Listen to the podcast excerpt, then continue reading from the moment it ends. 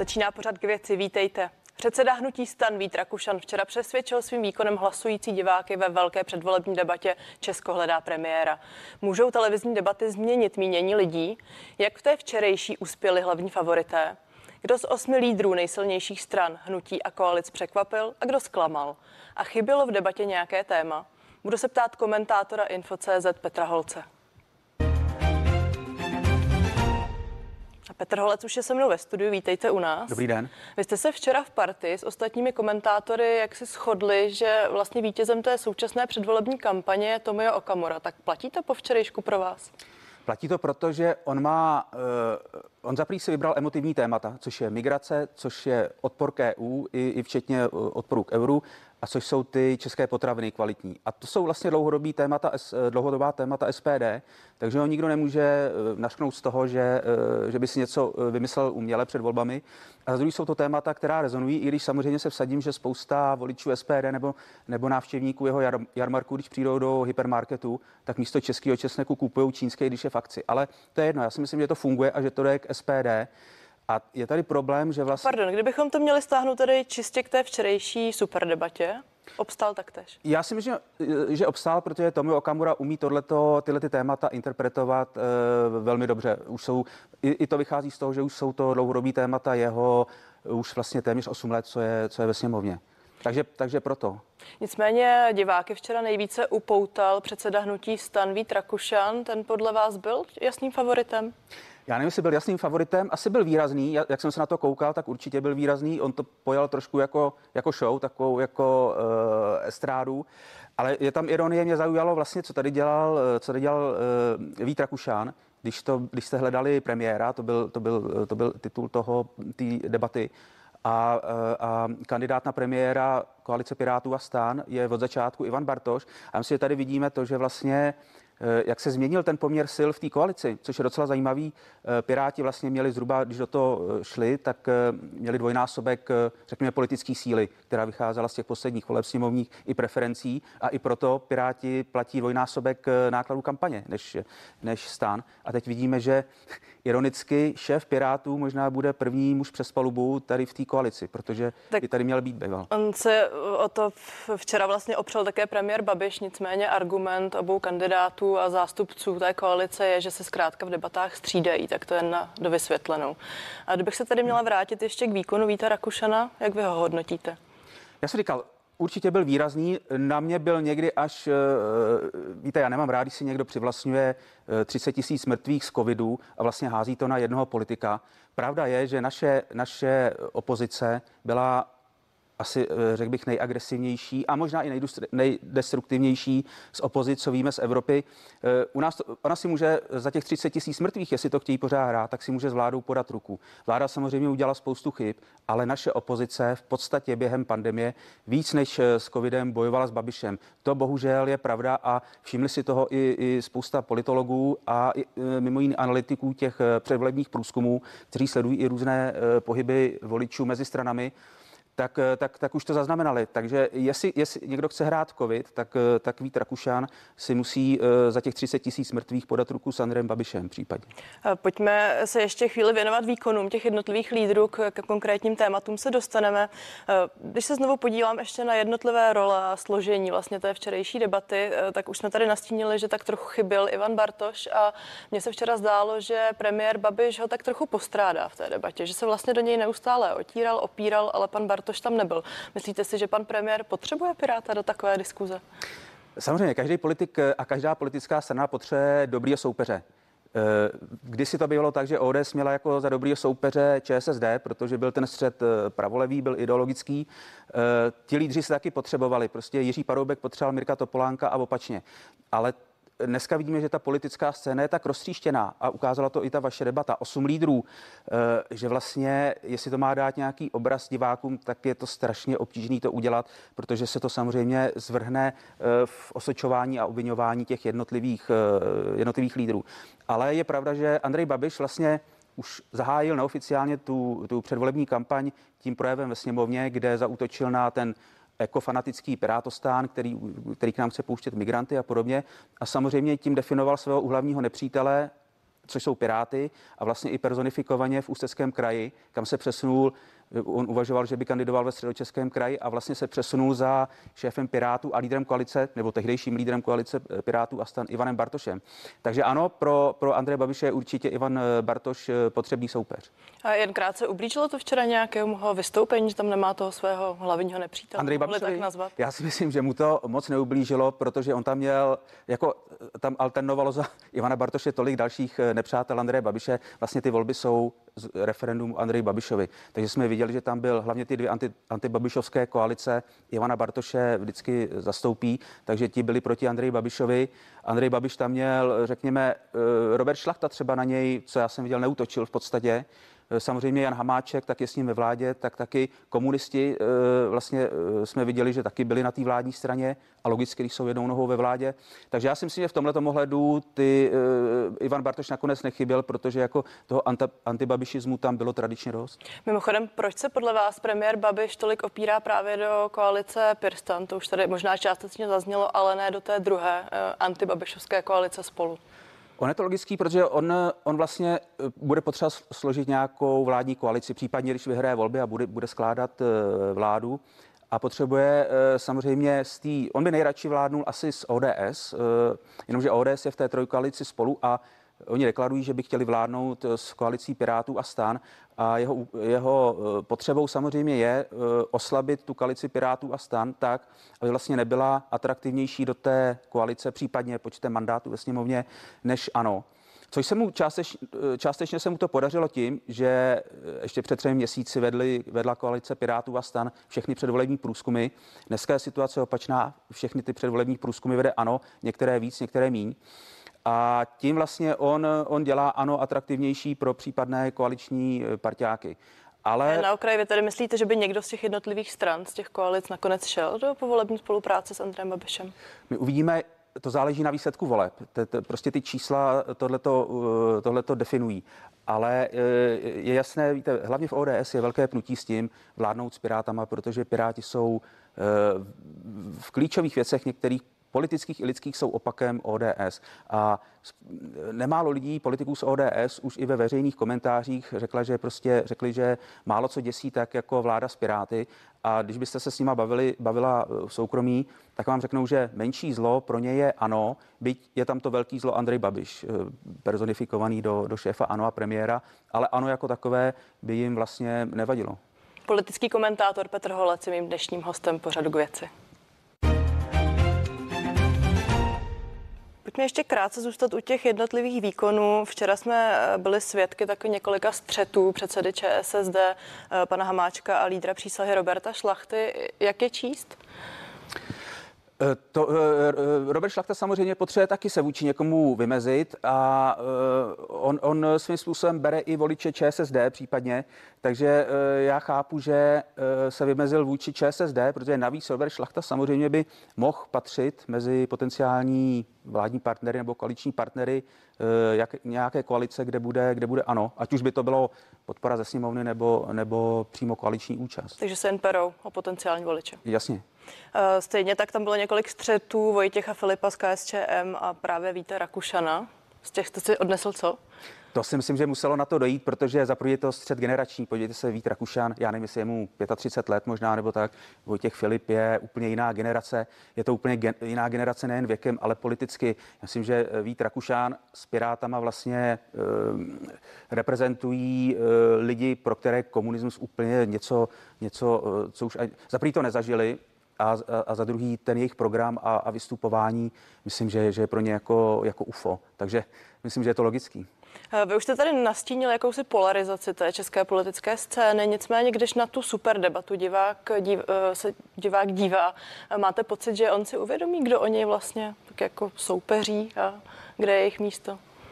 To myslím, že, že si uvědomit může, protože určitě ta, ta, ta témata se tam prolínají. Byť samozřejmě, kdyby to byla debata dvou lídrů, dvou hlavních politických stran, tak tady během hodiny máte šanci z nich představit je nejen politicky, ale osobnostně eh, mnohem víc než, než takhle. Ale jak říkám, to je prostě to, tohle je prokletí české politické scény poslední, uh, on už to trvá vlastně dekádu, kdy se, kdy se rozpadá, kdy ty bývalé hlavní politické strany ODS a ČSSD tak vlastně spadly pod, jsou někde ČSSD mluví, jestli se dostane do sněmovny, ODS někde třeba 11% a my vidíme, že tady jasně dominuje hnutí ANO a za ním prostě nejbližší strana, možná nejsilnější druhá SPD, má třeba 13-14%. To jsme, to jsme tady nikdy neměli. Takže, eh, takže to, tohle je určitě eh, něco, z čeho se, já doufám, že se z toho česká politika dostane, že se nějak eh, dokáže ty, ty, ty drobky o pobloku prostě spojit a protože my se tady potřebovali silnou alternativu k ANU ale zatím ji, zatím ji nemáme. A tohle, co jsme viděli, tu debatu, vlastně osm lídrů, eh, tak je, tak je podle mě neštěstí. A vlastně to ukazuje jenom to, že žádná z těch stran, je to problém i těch dvou antibobišovských koalic, že oni se museli eh, politicky, eh, museli jít na takové kompromisy, že se, ne, že se nemůžou vymezit i proti ano. Třeba ODS by se mohla perfektně, měla témata, která, na kterých by se mohla vymezit. Jenomže má problém, že v té koalici spolu třeba 109 Eh, která je sociálně liberální a ODS je sociálně konzervativní. Stejně tak je tam velký spor o euro, který... Což mimo jiné vyvstalo třeba u té otázky na stejnopohlavní manželství, ano. pokud si dobře vzpomínám. A to jsou třeba to euro, to je, to je strašně klíčová věc, protože to není v úzovkách jenom měna.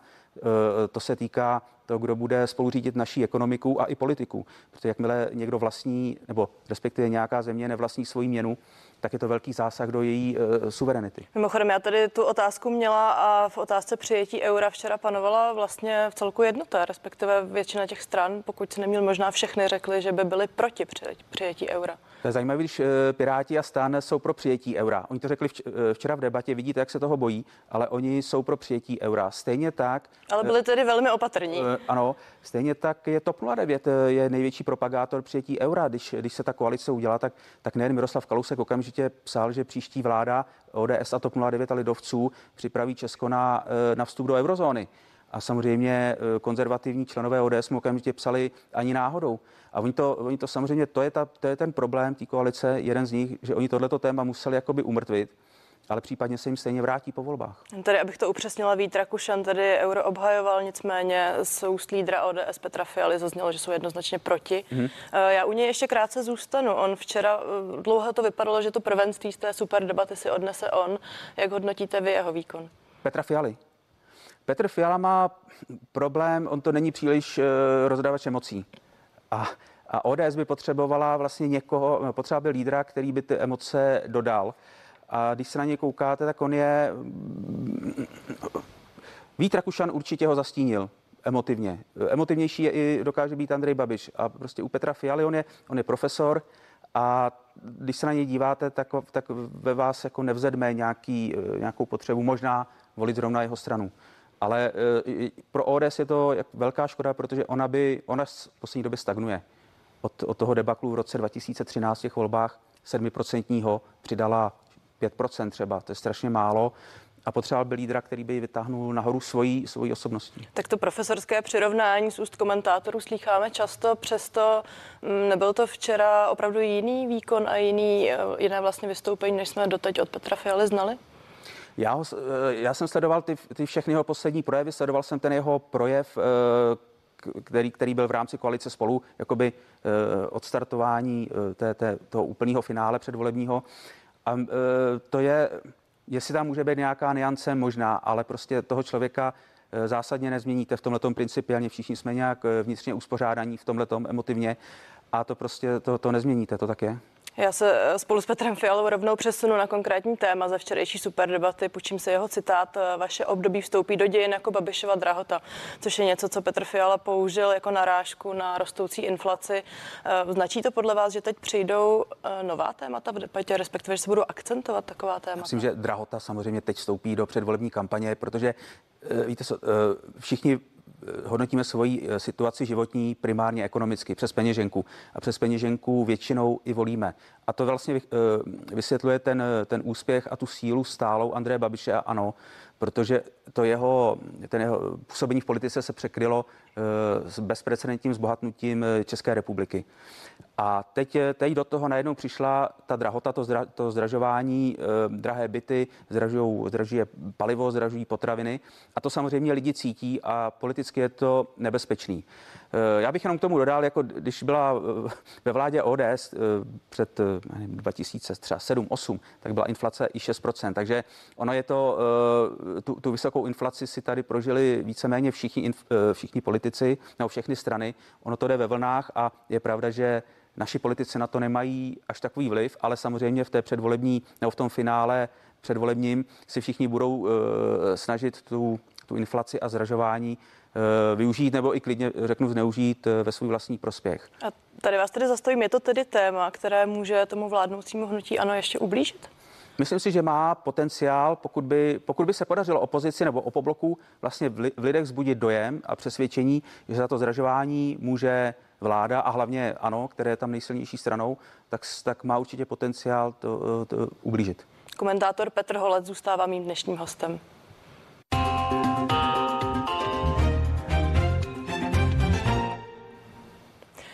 Včera se také krátce politici v debatě dotkli Green Dealu. Mm, což vnímám já teď jako sílící téma. A vy jste nicméně včera už v partii zmiňovali, že je vlastně chybou opozice, že si to téma Green Dealu a, a možná souvisejícího právě zdražování e, zatím nezhostili úplně dobře. Tak jak jste to vnímal včera? Zatím to, zatím to nevyužili, přitom uh, ono opozice Piráti a stan jsou velmi ekologičtí. Piráti uh, řekli, když, když Evropská komise představila tu podobu uh, zeleného údělu, tak eh, jejich členové řekli, že, že by vlastně to chtěli ještě zpřísnit. A oni mají prostě v, eh, ve své DNA politické, a vidíme to i v Praze, kde mají primátora, tak boj proti autům se spalovacími motory je prostě, eh, řeknu, jejich, jejich mantrou. A takže tady bych nehledal nic, nějaký boj proti zelenému údělu, možná boj za to, aby byl ještě přísnější.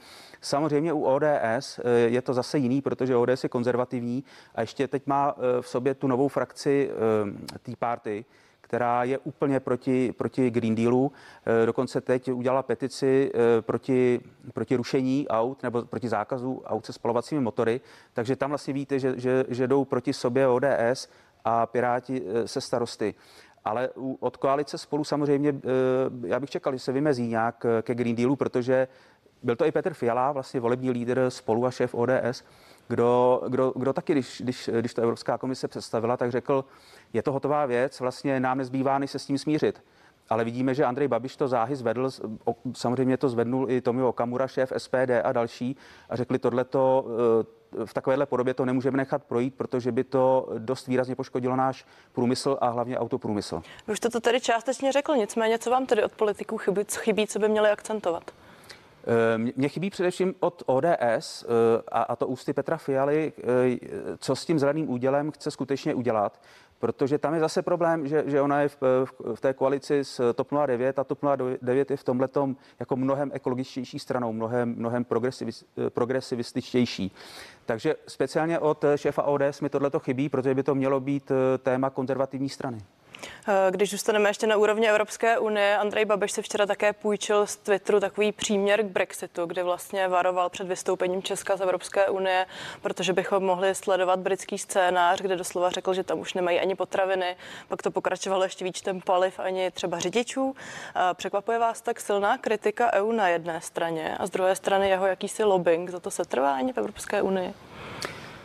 Tohle, tohle to ani ne, protože to je eh, samozřejmě naše členství v Evropské unii pro nás má eh, nemálo ekonomických výhod, ale samozřejmě eh, my jsme průmyslová, my jsme výrazně průmyslová země v Evropské unii, dokonce téměř nejprů, nejprůmyslovější. A ten Green Deal se proto Česka dotýká téměř nejvíc, ale negativně. Takže chápu, že chceme zůstat v Evropské unii, ale chceme vlastně jako členové Evropské unie ten, ten zelený úděl nějak, řekněme, změnit v náš prospěch, nebo aspoň změnit eh, v náš menší neprospěch.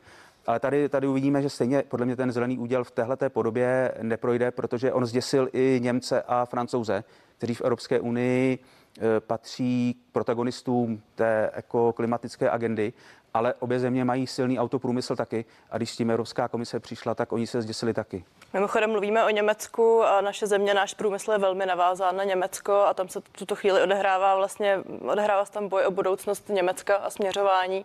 Narážím tím na uh, volby, které se konaly o víkendu. Nechybí vám trochu to téma v těch českých volbách a vůbec, že třeba včera v té super debatě se toho tématu vůbec nikdo nedotkl? Mně samozřejmě chybí, protože je to velmi důležité téma pro nás, německé volby a, a kdo bude vládnout v Německu, to máte pravdu naprostou. Akorát chápu, že do, tý de, do, do, do předvolební debaty je vždycky uh, zahraniční téma strašně těžko interpretovatelné a volby, pokud se nestane něco opravdu, že by byla válka nebo něco, tak, uh, tak rozhodují domácí témata. Takže z tohohle uh, pohledu chápu, že politici vlastně jedou jenom domácí témata, ale máte pravdu, že tohle se nás týká bytostně, kdo bude vládnout v Německu. Nicméně pojďme zpět na tu domácí scénu. Eh, vy jste v jednom ze svých videokomentářů předpověděl, že hnutí ano ve volbách znovu zvítězí. Asi si stojíte za tímto názorem a proč jste si tak, jste si i po včerejšku tak jistý? Eh, po včerejšku... Eh, Myslím po té super debatě. To, to si myslím, že jo, protože já vidím uh, tu sílu hnutí ano vlastně mnohem solidnější a víte, spousta mých kolegů komentátorů odepisovala ano už od zimy a, a do jara, z části protože samozřejmě nenávidí Andreje Babiše, to je jejich politická preference a z části protože si mysleli, že hnutí ano jakoby zničí covid. Uh, Covid samozřejmě uh, ano uškodil a, a, a ono oslabilo během, během té pandemické krize, ale já už jsem tady zmiňoval, lidi samozřejmě vnímají ano eh, přes, přes to, jak se jim daří, jaká je životní situace. A tady prostě musí vidět, že, nebo vidí, že eh, ta, ta osmiletka Andreje Babiše v politice jim přinesla zbohatnutí. I když samozřejmě nemáme pořád platy jako v Německu nebo ve Francii, tak všichni jsme víceméně zbohatli a, a to bezpre, bezprecedentně. Máme, máme rekordně nízkou nezaměstnanost a tohleto lidi vnímají samozřejmě eh, velmi, velmi silně. Eh, Covid by tady musel být možná dva roky a, a museli bychom za, být zavřený doma, aby lidi prostě už úplně jako na ano zanevřeli e, navždycky nebo, nebo tak výrazně, že by spadlo třeba k 10%. Ale tohle to jsou věci, které vycházejí z průzkumu. Eh, ten poslední průzkum dělá to CVVM, ono to dělá už několik let. A ten poslední průzkum je, byl udělaný v červenci a ten prostě tohleto potvrdil, že vyšlo z něj, že Češi jsou ekonomicky bezprecedentně spokojení. A, a proto já vidím, no a a ještě z toho vyšlo, že ta jejich spokojenost a jakoby pocit ekonomické bezpečnosti, že se nebojí o práci a, a, a nebojí se brát hypotéky a leasingy, tak, vychá, tak, tak vlastně stoupá od roku 2013 a roku 2013, co se stalo, eh, skončila vláda ODS a TOP 09, které dneska tvoří tu páteř eh, koalice spolu. Takže tady já vidím eh, hlubší, jako hlubší a solidnější podporu hnutí ANO a že by se muselo stát něco, něco a dlouhodobě skutečně výrazného nebo, nebo eh, klíčového a negativního, aby to skutečně tu podporu eh, Andreje Babiše eh, trvale poškodilo. Čili ale ne teď za dva týdny. Za dva týdny, myslím, není, není šance. Když se to nestalo za, za několik let, tak za dva týdny se to nestane. Říká politický komentátor Info.cz Petr Hol, uh, Holec. Děkuji za rozhovor. Díky za pozvání. Naschledanou. Z dnešního pořadu k věci je to vše. Díky, že jste se dívali a těším se na viděnou na CNN Prima News.